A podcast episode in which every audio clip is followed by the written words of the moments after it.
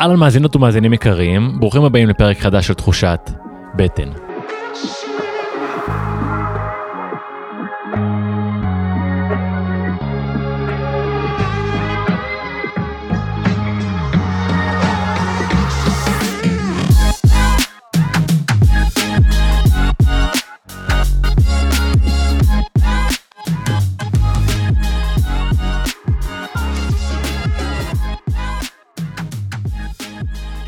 אם אתם חדשים כאן, תחושת בטן היא תוכנית שמטרתה לעשות קצת סדר בכל מה שקשור לבריאות ולאורח חיים שלנו. אני המנחה שלכם, מתן חכים, יוצר תוכן, מאמן ומחבר הספר חוקי בטן, ובשנים האחרונות אני חוקר את הקשר בין אורח החיים שלנו והבריאות, וככל שאני לומד יותר, בא לי לחלוק את הידע שאני לומד יחד איתכם, והשבוע אני עושה זאת בעזרת דוקטור מיכאל הרלינג. אה, דוקטור הרלינג הוא מומחה לרפואת המשפחה, גולש, סקייטר, מאמן צ'יקונג ומחבר הספר מהפכת הכושר הגופני. ניהלנו שיחה מרתקת על ביו-הקינג, בריאות, נשימות ואיך כל זה קשור לחרדה, לקורונה, לספורט. ולהחלמה. Uh, כרגיל להגיד שאם הפרק הזה לימד אתכם משהו אחד שיכול לעזור אולי למישהו אחר, תחלקו את הפרק הזה. תעזרו לי לעשות טוב בעולם ולהפיץ את הידע הזה כדי שכולנו נוכל להתהלך בעולם הזה מעט יותר בריאים ושקולים. שיהיה שבוע נהדר והאזנה נעימה. אהלן דוקטור מיכאל הרלינג. שלום וברכה. כיף שאתה פה. אני אספר לפני שנתחיל, שאני ואתה נפגשנו לפני כשבועיים בכנס של ביו-הקינג. Uh, תכף נסביר אולי מה זה אומר. Um, אני חושב שמה שמגניב ומיוחד בך, זה שאתה בעצם מהיותך רופא אה, קונבנציונלי, רופא משפחה, אבל אתה, מבחינת מה שאתה מייצג, הדרך שבה אתה מטפל, רואה את העולם, רואה בריאות, היא דרך הרפואה הפונקציונלית. רוצה אולי שנייה להסביר מה, מה זה אומר בעצם, ההבדל בין השניים?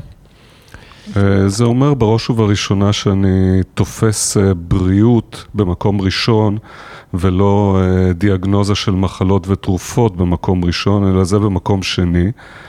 ואז אה, מסתכלים על כל המימדים שיכולים לתמוך בבריאות ומן הסתם למנוע מחלות.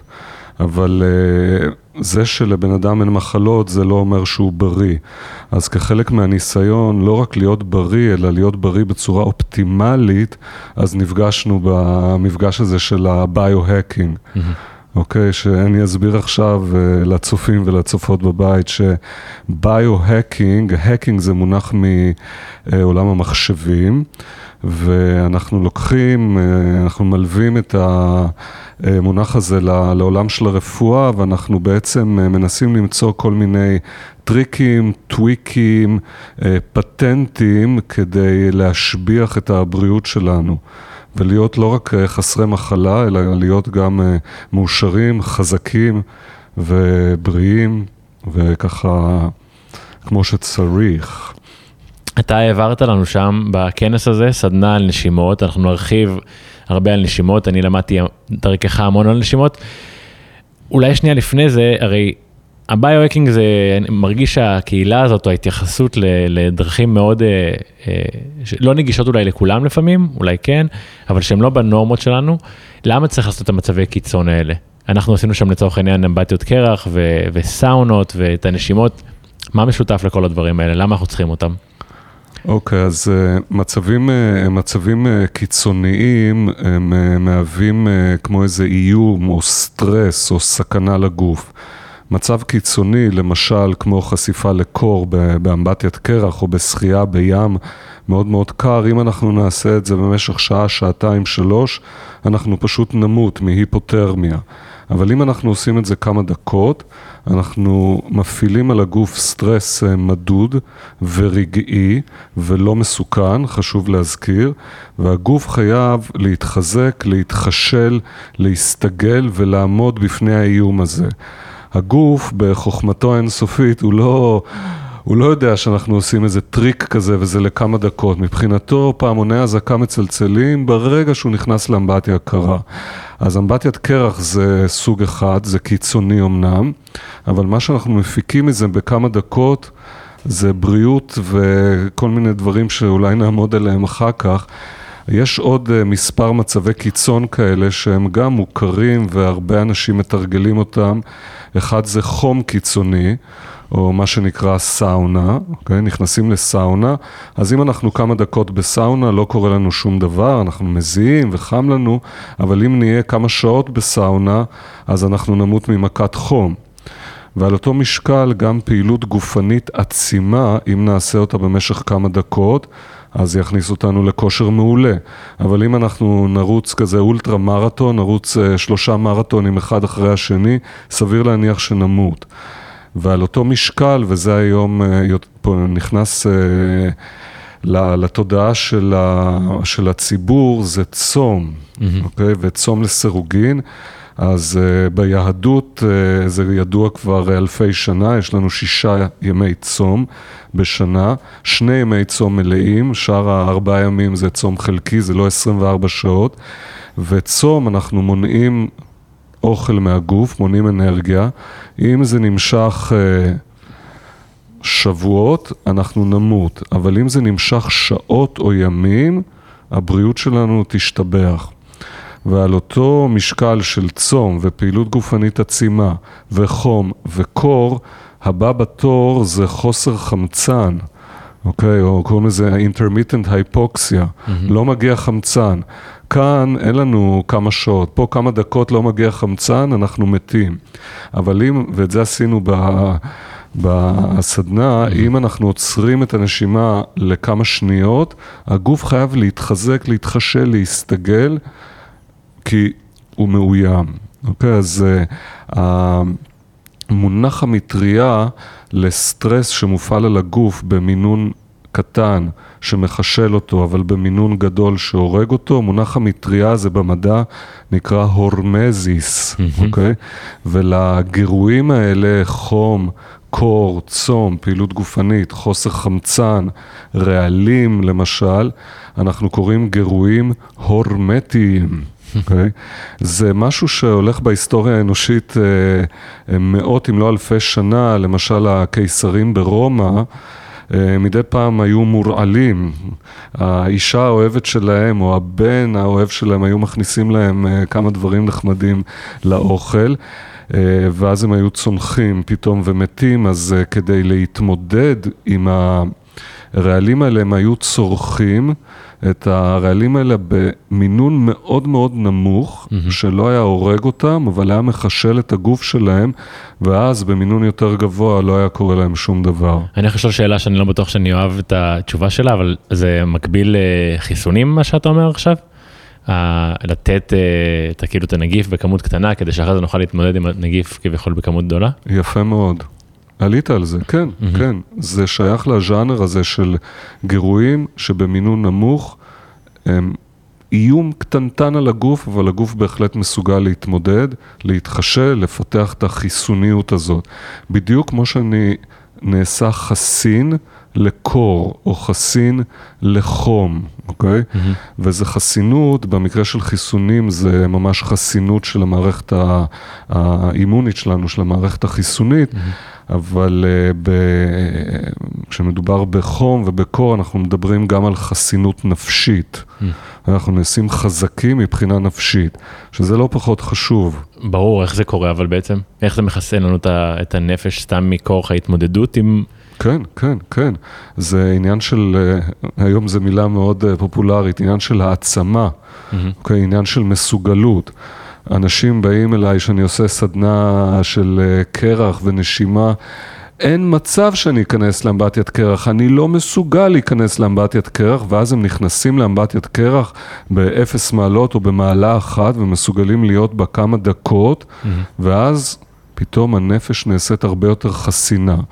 כמובן, אם עושים את זה רק פעם אחת, כמו קפיצת בנג'י, אז האפקט הזה של החסינות הנפשית לא נמשך לאורך זמן, אם אבל מתרגלים את זה הרבה, אז הנפש מתחסנת.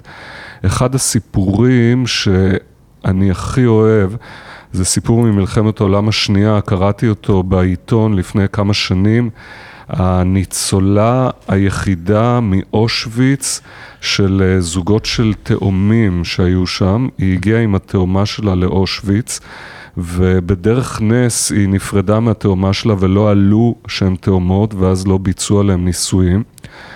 ואז היא, אה, במסגרת אה, היותה במחנה, אה, הוציאו אותה לצעדת המוות.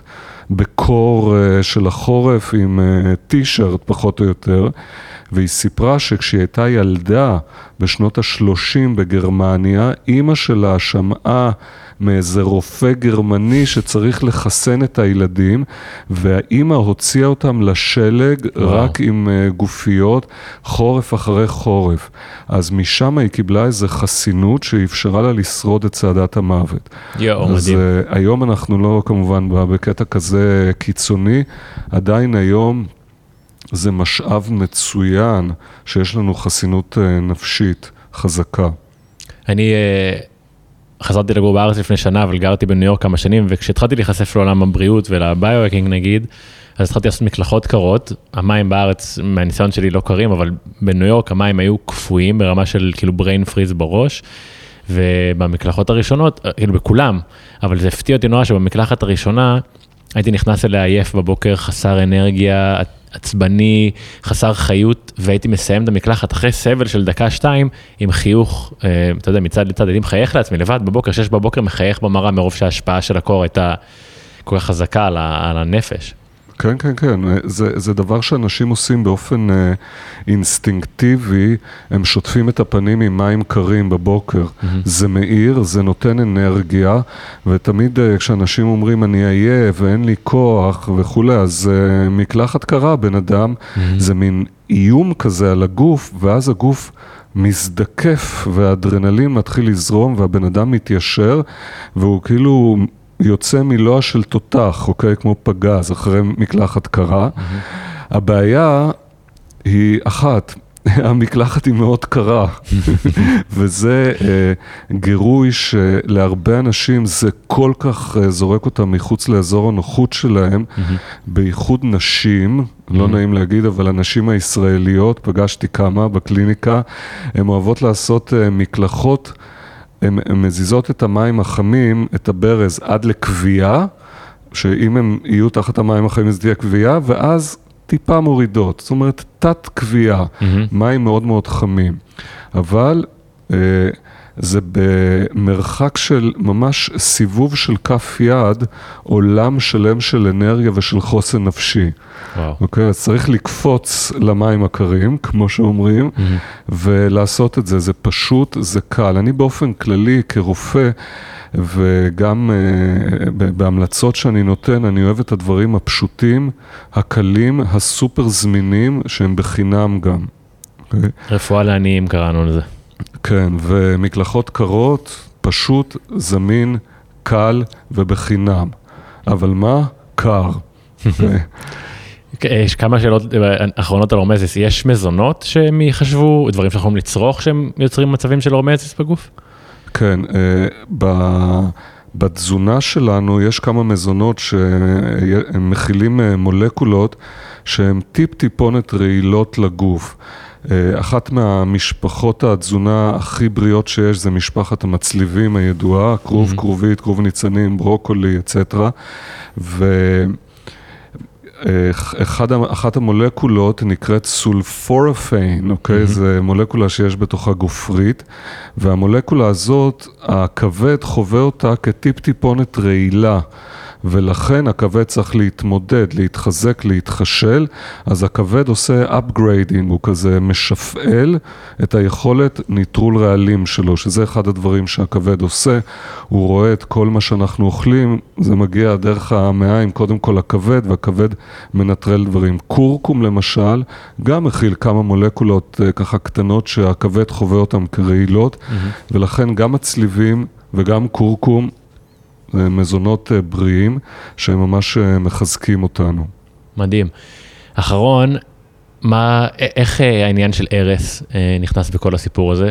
אני, גם יש לי חוויה של כמה חודשים שהתעסקתי באפיתרפיה, בארס של דבורים. היום יש אנשים שמתעסקים בקמבו, בארס של הצפרדעים כטיפולים מחזקי מערכת חיסון. האם זה גם מכניס למצב של הורמזיס בעיניך? האם זה דבר שאתה תתחבר אליו? תראה, בווידוי אישי, אני עברתי גם uh, בערך איזה חמישה סשנים של עקיצות דבורים, mm-hmm. מה שעוד אחד uh, מזה, זה נקרא לתרום את uh, גופתי למדע. Mm-hmm. עשיתי את זה כי הייתה לי מטופלת עם דלקת פרקים מאוד מאוד קשה, וקראתי שזה יכול לעזור. אז אמרתי, אני, אני לא יכול אה, לשלוח אותה לעקיצות דבורים בלי שאני חווה את זה בעצמי, אז הלכתי וחוויתי את זה בעצמי. זה היה משהו בין uh, סיוט לבין זה שכמעט, זה הכי קרוב שהייתי בחיים שלי להתאבד. כל הזמן התגרדתי וזה היה מאוד מאוד לא נעים, אבל uh, באינטואיציה שלי הרגשתי שזה טוב. עכשיו, זה נמצא כל כך מחוץ לקופסה, אוקיי? כל כך מחוץ לקופסה, שאני לא יכול לבוא ולהגיד, כ, אתה יודע, כרופא מערבי שעובד במכבי, אני יכול להגיד, חבר'ה, רוצו לעקיצות דבורים, זה אחלה. זה ממש פרינג', זה אה, שיטת טיפול בקצה של הקצה של הקצה מחוץ, ל, מחוץ לקופסה. יחד עם זאת, mm-hmm. אוקיי, אה, אותה מטופלת אה, התחילה לעשות עקיצות דבורים, עכשיו זה כבר כמה שנים שהיא עושה את זה, וזה כמעט העלים לה לגמרי את אה, דלקת הפרקים. Mm-hmm. עכשיו היא נמצאת בחו"ל והיא עושה את זה בארצות הברית. זה לא כל כך פשוט למצוא את העוקץ של הדבורה, אוקיי? זה צריך להיות אה, מישהו שמגדל דבורים, ושיודע בדיוק מה הוא עושה, ושיש לו מזרקי אפיפן מוכנים. Mm-hmm. אחת הסיבות שהלכתי לעשות את זה גם, זה לראות אם אני רגיש לדבורים. Mm-hmm. אז אני לא רגיש לדבורים, עובדה שאנחנו מקיימים את הפודקאסט הזה. אז אני אספר לך, א', זה קצת משמח אותי, אני אגיד לך למה זה משמח אותי מה שאמרת, כי כשאני ואתה עשינו את האמבטיית קרח לפני שבועיים ביחד, אני החזקתי משהו כמו קצת פחות מדקה ופשוט לא יכולתי יותר, ואתה היית שם משהו כמו שלוש דקות. חמש דקות. באותו יום זה היה חמש? כן, כן. זה היה מאוד מרשים לראות את זה. אז סתם, מה שאמרת עכשיו, שהיה כל כך קשה עם הדבורים, אני התחלתי אפיתרפיה לפני ארבע שנים, עקצתי את עצמי במשך חצי שנה, משהו כמו 400 עקיצות. זה התחיל כמה חודשים עם מטפל, ואחרי זה לבד בבית, היה, הייתה חווה שהייתי מזמין ממנה דבורים בקופסה, והייתי עם, עם פינצטה עוקץ, עוקץ את, את הזרועות שלי. כי מבחינת מרידיאנים, הזרועות הן מקושרות למעי הגס, וזה האזור שרציתי לטפל בו כביכול. זו הייתה חוויה, חוויה מדהימה עבורי. אני לא יודע עד היום כמה קשר היה לחוויה הזאת לשיפור שלי, אבל היה משהו מאוד uh, מקרב לטבע ומחשל. אז, uh, אז אני מאמין גדול בחיבור, בהשפעה שיש לדבורים עלינו. כן, כן, תראה, מוצרי כוורת, מה שנקרא, דבש ומזון מלכות ופולן ו... פרופוליס. ו... ופרופוליס, בייחוד המזון מלכות, זה אחד מהמוצרי אה, מזון תזונה הכי בריאים שיש. אוקיי, okay. הדבורה למרות שיש לה מוח בגודל של מילימטר אחד, זה יצור ממש אה, אינטליגנטי, לדעתי בכוורת הן אה, קוראות ספרים כשאנחנו לא מסתכלים. אז להתחבר לעולם של הדבורים מאוד מאוד מומלץ. שוב, מי שנמצא עם הגב לקיר ויש לו כאלה מחלות אוטואימוניות קשות והטיפול הקונבנציונלי לא עזר לו, בזהירות וללכת למישהו כזה סופר מוסמך יכול לנסות. לגמרי. אמ, אוקיי, אז בוא נדבר טיפה על, נשימות באמת. אתה העברת אותנו באותו, לפני שבועיים, סשן של נשימות שהיה בעיניי מרתק, גם לראות לאן הגוף יכול להגיע, וגם מה שסיפרת על נשימות היה מרתק עבורי, אז בוא, קח אותנו אל העולם שלך, שהתחלת לחקור ואתה ללא ספק מאמין גדול בו, ושאתה מקדם אותו, אני הייתי עם עיניים פעורות אה, לנוכח האינפורמציה החדשה, אז אני אשמח לשמוע כל מה שיש לך לתת. אוקיי. Okay. אז אה, נשימה, אתה יודע, זה הדבר הכי בסיסי, זה הדבר הראשון שעשינו כשנולדנו, וכנראה שזה יהיה הדבר האחרון שנעשה.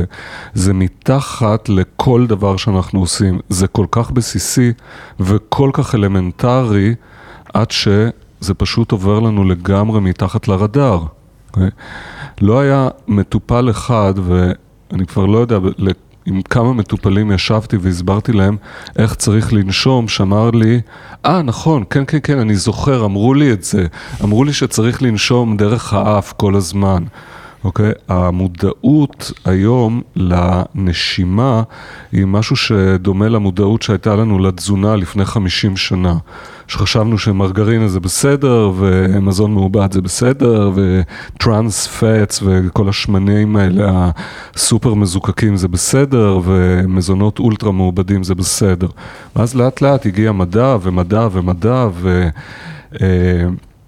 עוד אנשים אה, הראו באותות ובמופתים כמה זה חשוב לאכול בריא ומה זה מזון בריא, והיום יש מודעות, אז עם הנשימה, המודעות היום היא שואפת לאפס. רופאים כמובן לא מסתכלים אפילו לא פעם אחת על איך הבן אדם נושם. גם לרופא ריאות, הם לא מסתכלים על איך הבן אדם נושם, מה המכניקה של הנשימה שלו, הם מסתכלים על תפקודי הריאות והם עושים דיאגנוזה של מחלה ונותנים תרופות. זה סופר חשוב כמובן לבן אדם שיש לו מחלה, אבל היי, איך הבן אדם נושם? אז אני מסתכל, דבר ראשון, איך הבן אדם נושם. כשהוא נכנס אליי לקליניקה ונכון להיום, כל יום יש לי בערך שניים שלושה מטופלים כי אני לא יכול יותר, הייתי... עקרונית צריך לשבת עם כל מטופל, כמעט כל מטופל, וללמד אותו איך לנשום קודם כל. אז אני יושב עם משהו עם שניים שלושה מטופלים כל יום, ו... פותח אותם לעולם הזה של הנשימה. אבל מה זאת אומרת, אנשים נושמים לא נכון? מה הכוונה? כאילו, מה זה, למה צריך להסביר לבן אדם איך לנשום? מי לא נושם נכון? זה, זה הקטע של המודעות, אוקיי? כי הרוב המוחלט של האנשים אומר, מה, נשימה. זה כמו לב, הלב דופק, אוקיי? הנה אני חי, הלב שלי דופק. מערכת העיכול, אני אוכל, הנה היא עובדת, אני הולך לשירותים, אני מעכל את האוכל, הכל בסדר, אני חי, אז אני נושם גם. אה, רוב האנשים היום פשוט לא נושמים כמו שצריך, אוקיי?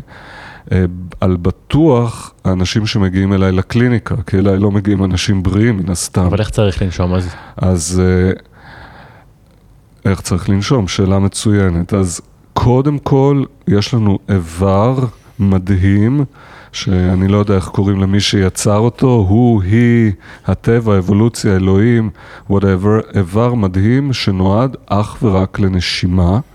זה האף. אז דבר ראשון, נשימה נכונה היא 24 שעות ביממה, שבעה ימים בשבוע וכולי וכולי, דרך האף. Mm-hmm. חייבים לנשום רק דרך האף.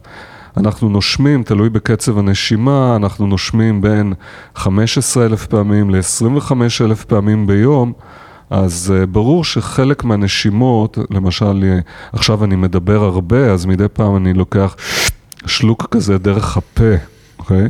ואם אני צוחק, או אם אני שר, או לפעמים אם אני עושה מאמץ גופני מאוד מאוד עצים, או אם אני שוחה, אז מדי פעם יהיו כמה עשרות או כמה מאות נשימות דרך הפה, אבל הנשימה חייבת להיות דרך האף, בהמשך אם תרצה אני ארחיב למה דרך האף, אוקיי? מה זה משנה? לא, לא, בוא נרחיב עכשיו, כי אני יודע, קראתי בזמנו על, על הבעייתיות של נשימה מהפה, אבל בוא, אתה יכול להגיד למה לא טוב מהפה, למה כן עדיף מהאף, אשמח לשמוע. אוקיי, אז כשהאוויר נכנס דרך האף הוא עובר מספר תהליכים. א' כל, והיום זה קריטי ממש בעידן הקורונה, הוא עובר סינון. יש אה, במערות האף ובסינוסים יש אה, רירית כזאת ויש שערות שמסננות את האוויר מכל מיני חלקיקים קטנים, גדולים, וירוסים, חיידקים שנשארים דבוקים שם ולא נכנסים לנו לתוך הגוף. אז אחד זה סינון. שתיים, האף אה, מחמם את האוויר וגורם לו להיות קצת יותר לח, והדרך שהאוויר צריך לעבור מהנחיריים עד לריאות היא כמובן ארוכה יותר מהדרך שהאוויר צריך לעבור אם הוא נכנס דרך הפה.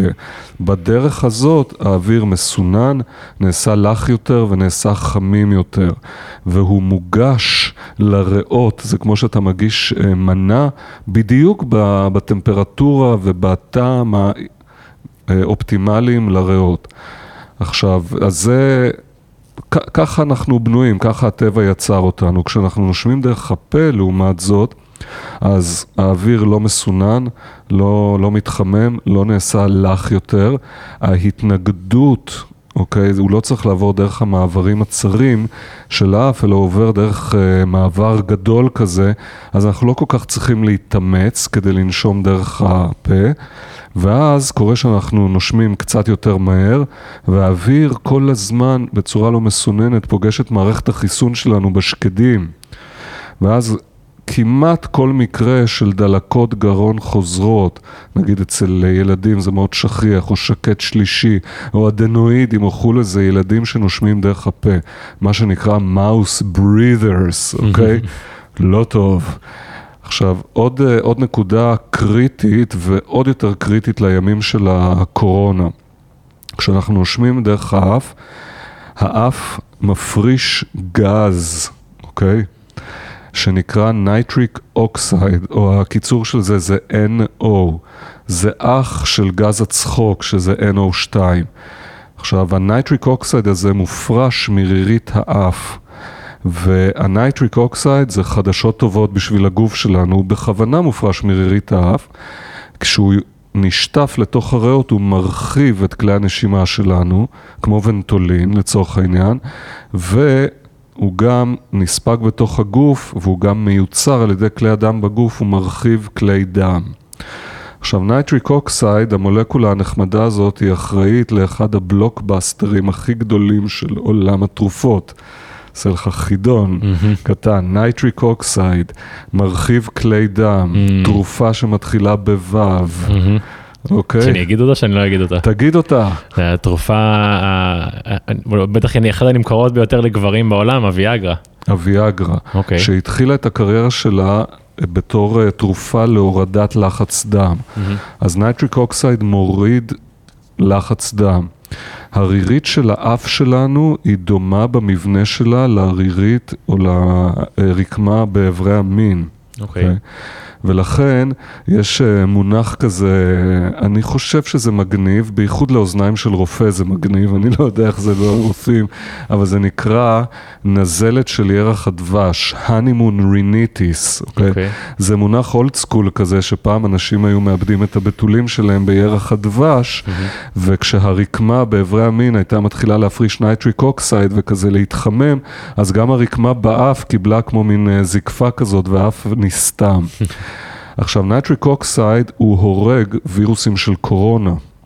אז היום בתקופת הקורונה, על בטוח שאנחנו רוצים לנשום דרך האף, להעלות כמה שיותר את הרמה של ה nitric oxide, להרוג כמה שיותר וירוסים וחיידקים. אז זאת נשימת האף, היא חייבת להיות 24/7, אוקיי? אז מה הדרך הכי טובה להעלות את ה nitric oxide? אם אנחנו רוצים את זה בצורה טבעית, כמו שנגיד אמרנו, לוותר על הוויאגרה בעצם?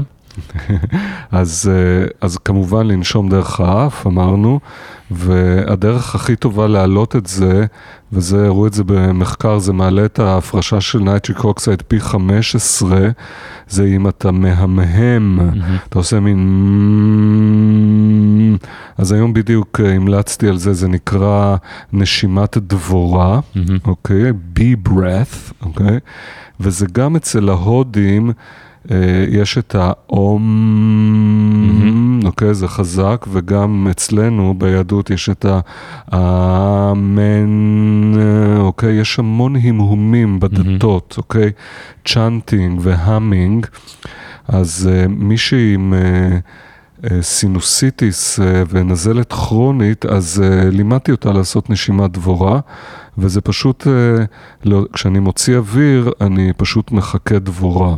אז זה כן תעשו בבית, בניגוד שאומרים אל תעשו בבית את זה, תעשו כמה שאתם יכולים, אתם תרגישו את הוויברציות בסינוסים, זה יפתח את הסינוסים, אה, יגרום להשפרצה של הגז הטוב הזה, של נקרא nitric oxide.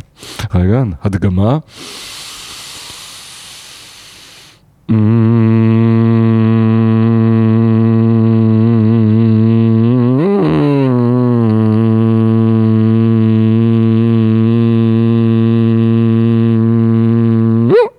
זהו, תפסתי את הדבורה, עכשיו אני אתן לה לעקוץ אותי. מדהים, כמה זמן היית אומר ששווה לעשות את זה ביום? האם מספיק כמה שניות כאלו, אנחנו מדברים על איזה דקה? פשוט לעשות את זה במהלך היום, מתי שנזכרים בזה, לעשות uh, לפחות 2-3 נשימות כאלה, אחת אחרי השנייה, ואם כבר עושים את הנשימות האלה, לנסות כאילו לקבוע שיא אישי, לראות כמה אפשר למתוח את המ הזה עד שלא תישאר מולקולה אחת של אוויר בריאות. זה אה, יגרום להוצאת האוויר, ברגע שאנחנו מוציאים את האוויר עד הסוף של הסוף של הסוף של הסוף של הסוף של הסוף של הסוף של הסוף של הסוף של הסוף של הסוף אז הכנסת האוויר שאחרי זה היא נעשית כזאת מלאה וטבעית וטובה כזאת, אוקיי? אז פה אנחנו עובדים על הוצאת האוויר, זה כזה בונוס נוסף, אוקיי? על ה nitric oxide. ומי שנושם דרך הפה, כזה מאוס ברית'ר, זה בא עם עוד איזה משהו נחמד. הלשון של מי שנושם דרך הפה היא מונחת למטה בחלל הפה, הלשון צונחת למטה. כשאנחנו נושמים דרך האף, הלשון עולה למעלה והיא דבוקה לחך העליון. ילדים בייחוד, שהם נושמים דרך הפה, אוקיי? הרבה, והלשון שלהם צונחת, זה גורם לחך העליון שלהם להיות יותר ויותר צר, למבנה הפנים שלהם להיות יותר ויותר צר, לחך העליון שלהם לעלות יותר ויותר, האף שלהם נעשה יותר ויותר צר, המחיצה שלהם נעשית יותר ויותר עקומה, וזה מין מעגל כזה, מעגל קסמים שמשחזר את עצמו. אלה ילדים שלאורך השנים הם כאלה מאוס בריזר, מבנה הפנים שלהם משתנה, במקום להיות רחב, הוא יהיה צר, השיניים שלהם יהיו עקומות, הם בלילה ינשמו דרך הפה. אוקיי.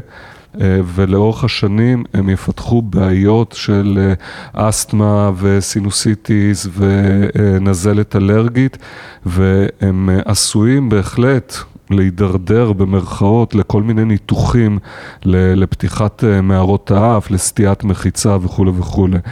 אז... זה mind blowing מה שאתה אומר, כאילו שיש שינויים כל כך אקוטיים בכל הפיזיולוגיה שלנו, רק מלנשום לא נכון. לא, אתה, אתה לא מבין עד כמה זה mind blowing ועד כמה זה חשוב. Uh, למשל, המבנה של הלסת שלנו, המבנה של השיניים, של חלל הפה, אם אתה תלך 300-400 שנה אחורה, ועשו את המחקרים האלה, אנתרופולוגים, חקרו את הלסת בגולגלות בנות כמה מאות שנה. לא היה שם גולגולת אחת עם שיניים עקומות, אוקיי? שהייתה צריכה פלטה או אישור שיניים. איך זה יכול להיות שיש חיה בטבע שהשיניים שלה עקומות, שהשיניים אחת על השנייה, וצריך לשים פלטות ולפתוח את הלסת? ולמה ב, בייחוד במאה השנה האחרונות הלסת שלנו נעשתה צרה והיא לא מסוגלת להכיל את כל ה-32 השיניים שלנו. אבל למה קרה? זה קרה? למה השינוי הזה קורה? מה קרה? אז uh, אחד הדברים שקרו, וזה אפרופו תזונה, רק תראה כמה תמיד הדברים הם מורכבים ורב-מימדיים. התזונה שלנו נעשתה רכה, בייחוד של הילדים. הכל זה כזה מושי וושי כזה, אוקיי? הכל רך כזה, הכל כזה חטיפים וגלידות ומזון אה, כזה לתינוקות, ולא לועשים יותר דברים קשים. אז כל המבנה של הלסת, you don't use it, you lose it, אוקיי? אז המבנה של הלסת מתחיל להיות צר יותר, השרירים יותר חלשים, הנשימה מתחילה להיות גם דרך הפה. והמבנה של חלל הלסת מתחיל להיות יותר ויותר צר, וזה הכל במעגל קסמים כזה. יותר ויותר צר, חלל האף יותר ויותר קטן, יותר קשה לנשום דרך האף, יותר פותחים את הפה, נושמים דרך הפה, יותר נושמים דרך הפה, הרירית של האף עובר בה פחות אוויר, פחות nitric oxide, פחות פחות, אז היא נעשית יותר גדושה, יותר קשה לנשום ממנה, ואז אה, נכנסים מהר מאוד להרגל כזה של נשימה דרך הפה לאורך שנים, ושוב, זה עובר מתחת לרדאר של כולם. זה משהו שאפשר ב... לתקן? כאילו בן אדם שהגיע למצב הזה שהוא כבר קשה לו לנשום מה, מה, מהאף, זה דברים שאפשר להחזיר אותם אחור? זה הגוף האנושי, בן אדם. הכל הוא בר תיקון, הכל הוא, באנגלית קוראים לזה malleable, אוקיי? זה הכל מין גמיש כזה, כמו פלסטלינה, אוקיי? Mm-hmm. אתה רוצה לנשום דרך האף, אתה פשוט מתחיל לנשום דרך האף. Uh, בלילה זה קצת קשה יותר לשים לב לזה שאתה נושם דרך האף. אז אתה יודע, ככה נחשפתי לזה, אני נשמתי מהפה רוב החיים שלי, ובאיזשהו שלב, אני זוכר שהתחלתי לקרוא מאמרים לפני כמה שנים על הקשר בין בעיות שינה לנשימה מהפה. ואז באמת ניסיתי לשים לעצמי פלסטר על הפה לפני השינה, וזה עזר קצת, אבל זה מאתגר כל לילה לשים פלסטר על הפה. זה מאתגר, ולפעמים אה, זה לוקח כמה שבועות, או אפילו כמה חודשים, עד שהאדם מתרגל לפלסטר ומתרגל אה, לנשום אה, דרך הפה, אבל לא היה בן אדם אחד שהמלצתי לו על mouth taping, mm-hmm. שזה, והוא עשה את זה, ואמר שזה לא עוזר לו. Mm-hmm. זה עוזר uh, לכולם, אוקיי? יש על זה גם מחקרים, אוקיי? זה לא כזה מצוץ מן האצבע, אבל אני במין... כמו שבבלוז בראזרס הם אמרו כזה, I'm on a mission from God, אוקיי? Okay? Mm-hmm. אז אני, יש לי איזה משימה, מיני מישן, ננו מישן כזה, להעלות את המודעות הזאת לאיך צריך לנשום. ואנחנו, זה רק ההתחלה. כי האף זה רק איך שהאוויר נכנס, אוקיי? זה לא רק ההתחלה, אבל על ההתחלה אנחנו צריכים שהצעד הראשון יהיה מחוייל, בדיוק כמו שצריך, דרך האף, נקודה. אין פה שום הנחות. גם, אוקיי, וזה גם, וזה טיפ שמי ששומע אותו יכול מעכשיו להתחיל לעשות אותו. פעילות גופנית, למעט אם זה שחייה, או פעילות סופר עצימה, לנשום רק דרך האף, אוקיי? זה game changer, בייחוד לאתלטים, לאנשים שמודדים את הפעילות הגופנית שלהם בתחרויות וצריכים לגלח שניות ולעשות uh, כמה שיותר מאמץ בכמה שפחות אוויר ורוצים שהפעילות שלהם תהיה כמה שיותר אופטימלית, לנשום רק דרך האף. אם הנשימה נעשית יותר מדי, זה בלתי אפשרי דרך האף, נוצר איזה רעב כזה לאוויר שחייבים לפתוח את הפה, mm-hmm. להוריד הילוך בפעילות ולנסות כמה שיותר להתמיד עם זה. בהתחלה זה סיוט, ואני זוכר גם אני, אני רוכב נגיד על אופניים, כמה קילומטרים, אה, על סקטבורד, אני רוכב די הרבה, בסקטבורד זה קשה בטירוף, כי זה מין פיקים כאלה של מאמץ, עליות uh, כאלה ממש מטורפות של דופק, סופר קשה, אבל כמה שמתמידים בזה יותר ויותר, הרווח הוא עצום, אוקיי? ממש ככה. וואו. אז זה האף, אוקיי? Uh, זה עובר, זה כזה נמצא לנו, אתה יודע, תמיד אומרים, שאתה נכנס לחדר, אז אתה מריח את ריח הפה של כולם, אוקיי? חוץ מאת הריח פה של עצמך. Mm-hmm. למרות שזה ממש מתחת לאף שלך. אבל את עצמך אתה לא מריח, אוקיי? אז uh, פרפרזה כזאת, כי אתה תמיד שם לב לטעויות שאנשים אחרים עושים, אבל לא לטעויות שאתה עושה. אז אותו דבר, זה עובר מתחת לרדאר של כולם, אוקיי? אז קודם כל, דרך האף, אוקיי? בלי פשרות, זה לא נתון למשא ומתן, אוקיי? אחר כך האוויר מתחיל להיכנס פנימה, ופה יש שתי אפשרויות. או שהנשימה היא נשימת בית חזה, מה שנקרא, אנחנו משתמשים בשרירים שנקראים השרירים הבין-צליים, ואז אנחנו רואים את בית החזה עולה ויורד, ולכן זה נקרא נשימה אנכית או ורטיקלית. בית החזה עולה ויורד, כשהנשימה התקנית, אוקיי, by the book, זה לנשום בעזרת השרעפת. אוקיי? diaphragm, diaphragmatic breathing, ואז אנחנו נראה את הבטן נכנסת ויוצאת, אוקיי? קדימה ואחורה. אז במקום לנשום עם החזה למעלה ולמטה, אנחנו נושמים עם הבטן קדימה ואחורה. אני כבר לא יכול לספור את מספר המטופלים ש... אה, אמרתי להם לשכב על המיטה בקליניקה, שמתי ספר רפואה, זה חייב להיות ספר רפואה כבד, אוקיי? מי שאין לו ספר רפואה בבית חייב לקנות ספר רפואה, אחרת זה לא עובד. הם שוכבים, אני שם את הספר של הרפואה על הבטן התחתונה שלהם, ומבקש מהם כשהם מכניסים אוויר להרים את הספר למעלה, וכשהם מוציאים אוויר להוריד את הספר למטה. ואז הם מתחילים להפעיל את השרעפת. קצרה היריעה פה כמובן ל... אה, להסביר עד כמה נשימה שרפתית היא חשובה וקריטית. אני רק אציין שכשאנחנו נושמים עם השרפת, שזה שריר כזה דמוי מצנח בעובי של שניצל, שכמו כיפה כזאת שמפרידה בין הריאות לכלל הבטן. וכשהכיפה הזאת מתכווצת היא יורדת למטה, ואז מושכת כזה את הריאות, ואז האוויר שאנחנו מכניסים דרך האף, הוא נכנס לבסיסים של הריאות, והריאות הם כמו משולשים כאלה, הפסגה של הריאות היא צרה יותר מהבסיס, אז אוויר שנכנס לבסיס של הריאה פוגש יותר ריאה ויותר דם. וההבדל בין נשימה דרך הפה בעזרת החזה לחלק העליון של הריאות לבין דרך האף לחלק התחתון של הריאות בעזרת השרפת יכול להיות הבדל של 50 אחוז. עכשיו תחשוב על זה, 50 אחוז בספיגה של החמצן, mm-hmm. אוקיי, בין 20 ל-50 אחוז, תחשוב על זה בן אדם שכל החיים שלו נושם פחות אוויר, פחות אוויר, פחות אוויר, פחות אוויר. תהיה לזה השפעה על הבריאות שלו? חד משמעית. מה זה תהיה השפעה על הבריאות? והוא לא ידע שזה בגלל זה. אז יהיה לו לחץ דם גבוה. יהיה לו חרדה, יהיה לו מחלות לב, אוקיי? יהיה לו עייפות כרונית, כאבים וכולי וכולי וכולי.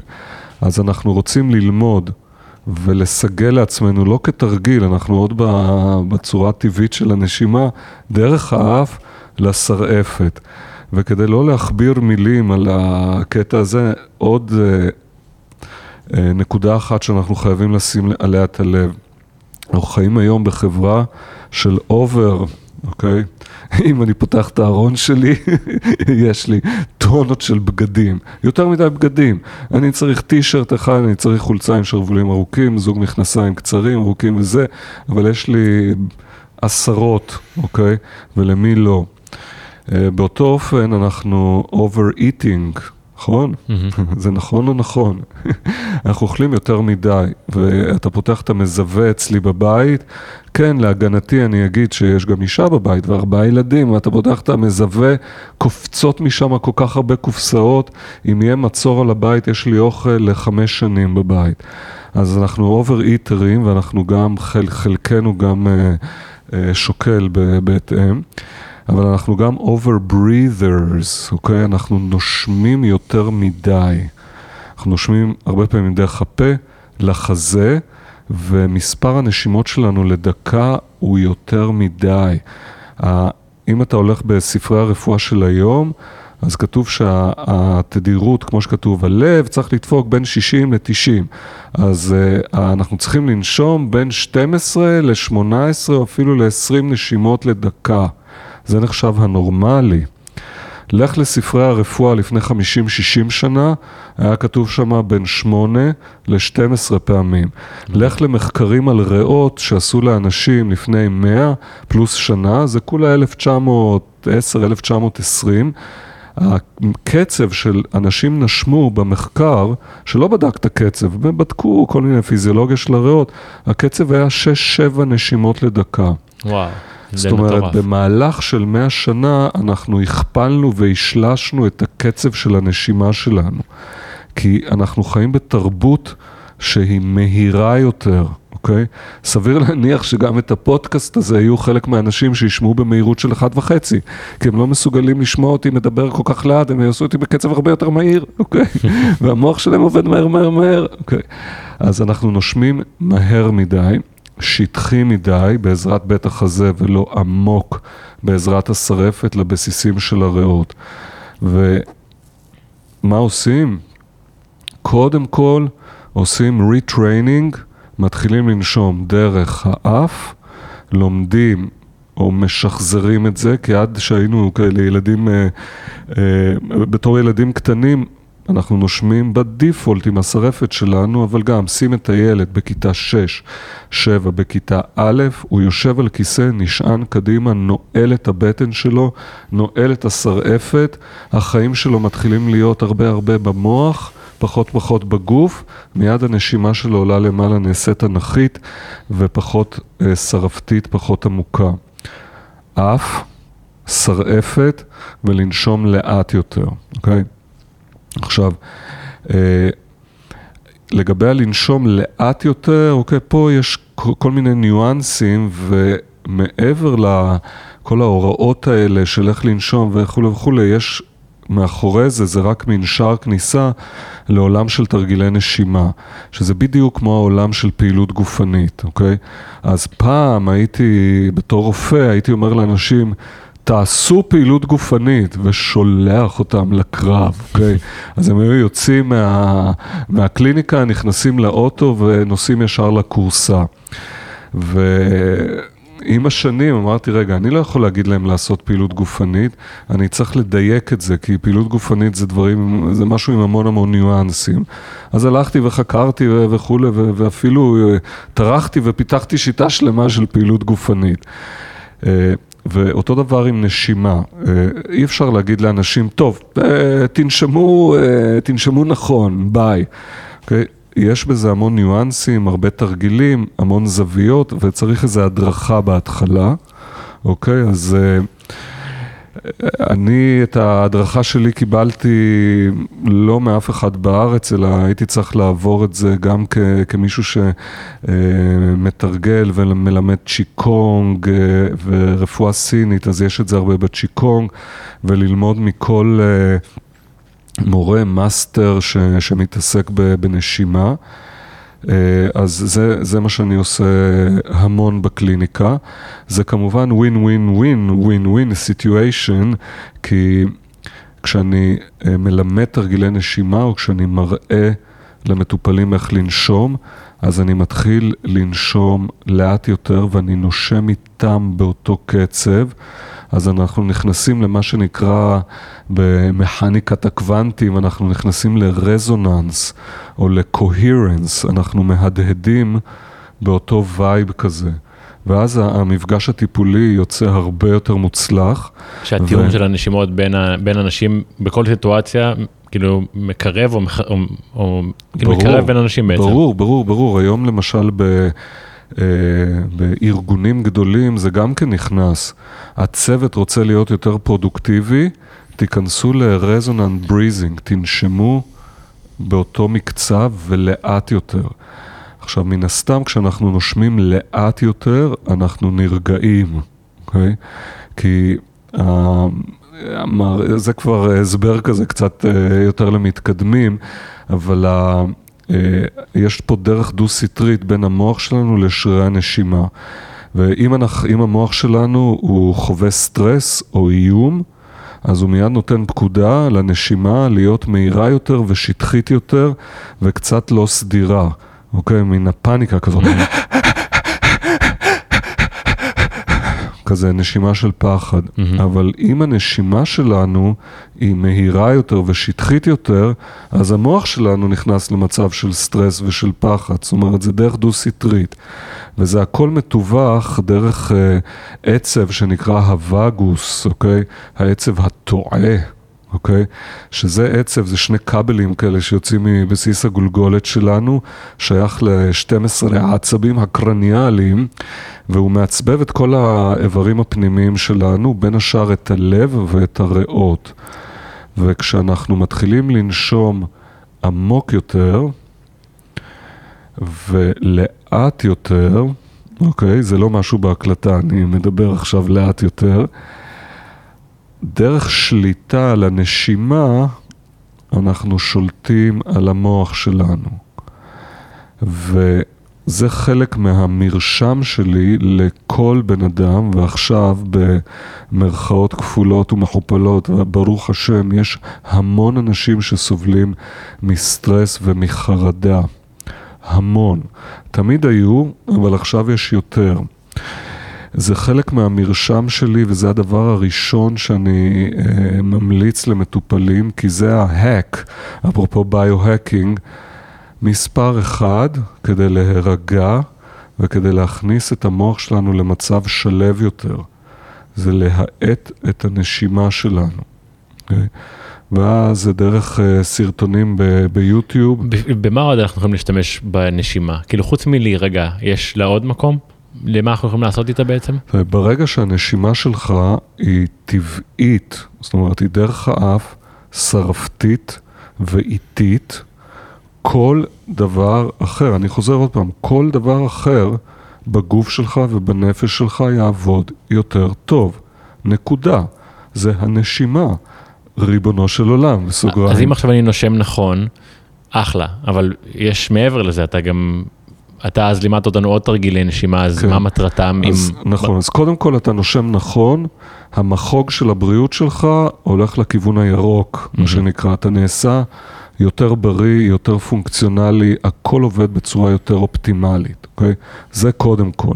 עכשיו, אתה אומר, אוקיי, זה כלי, אני מנגן על הכלי הזה, אבל אני רוצה ללמוד לנגן עליו עוד יותר טוב, כדי לעשות את הכל עוד יותר אופטימלי. למשל, אני רוצה להיות אתלט יותר טוב, אז אוקיי, אז תעשה את התרגיל הזה שנקרא לנשום רק דרך האף בזמן הפעילות הגופנית. יכול להיות שיש לי בעיות בריאותיות, אוקיי?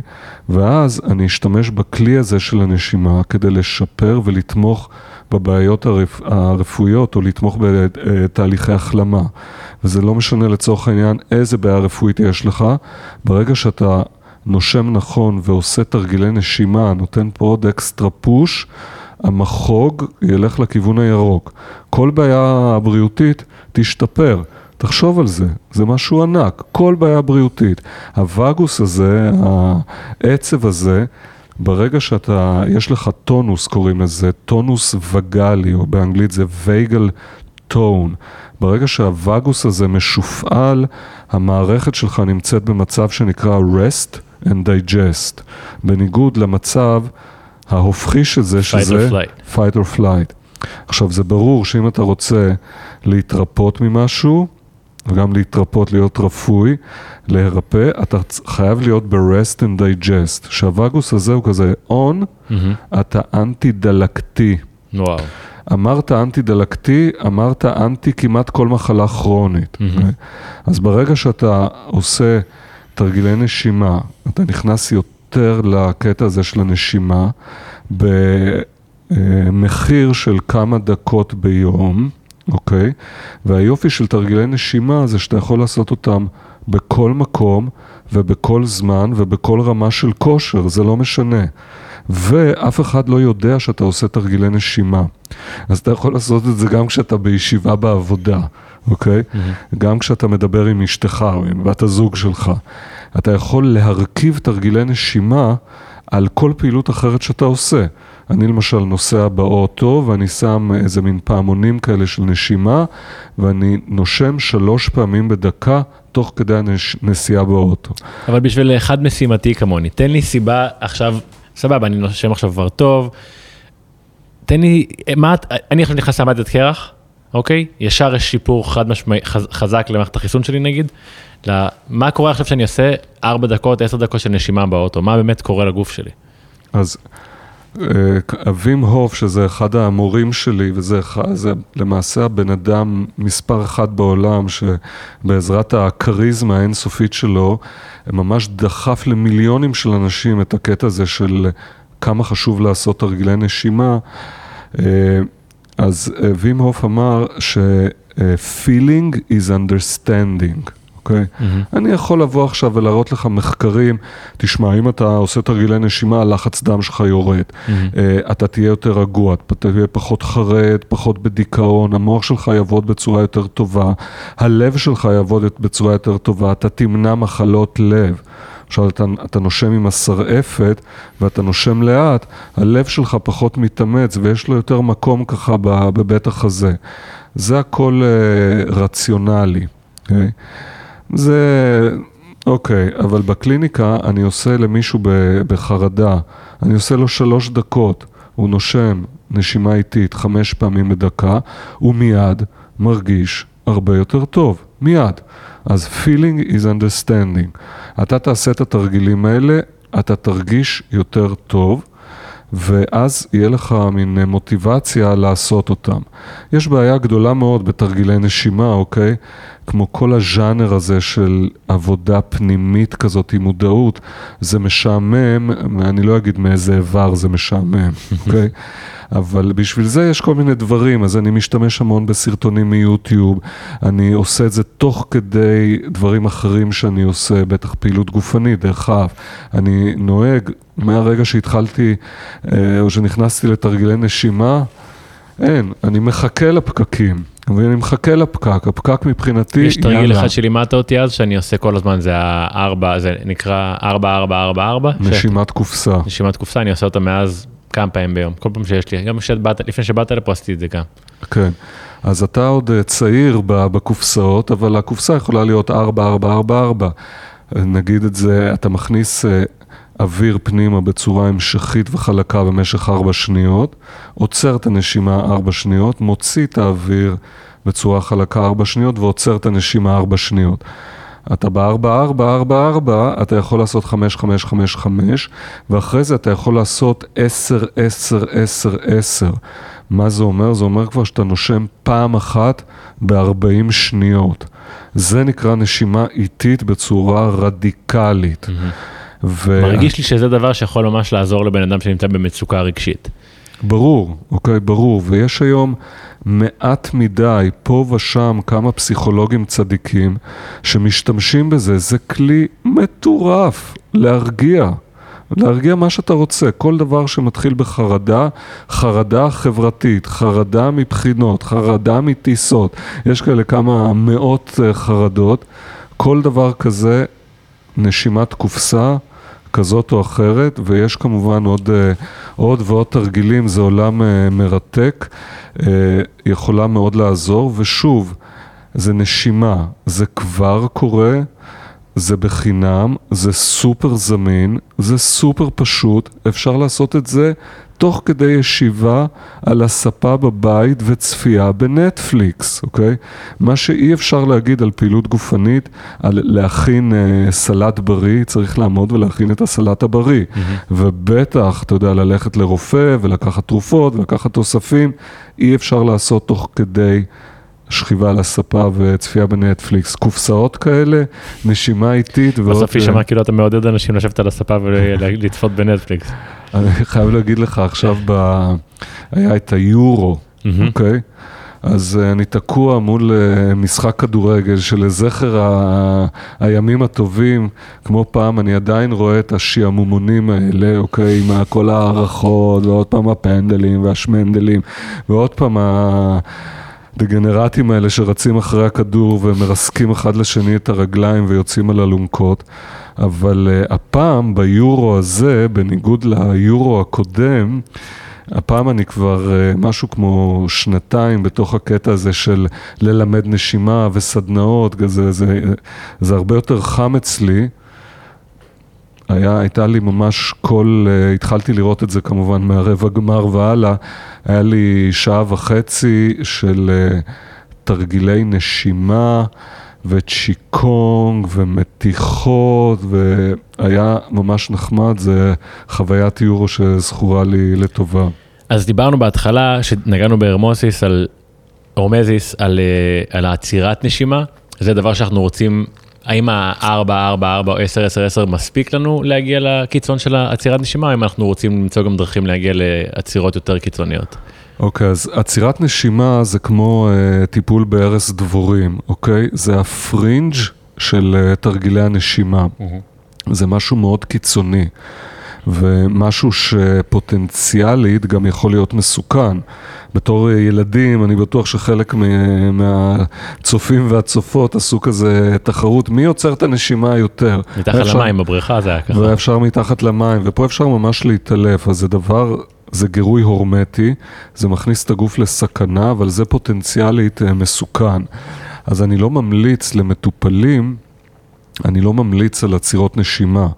אבל uh, בתוך עצירות נשימה זה מה שנקרא the good stuff, או בז'רגון של היום, זה החומר הטוב.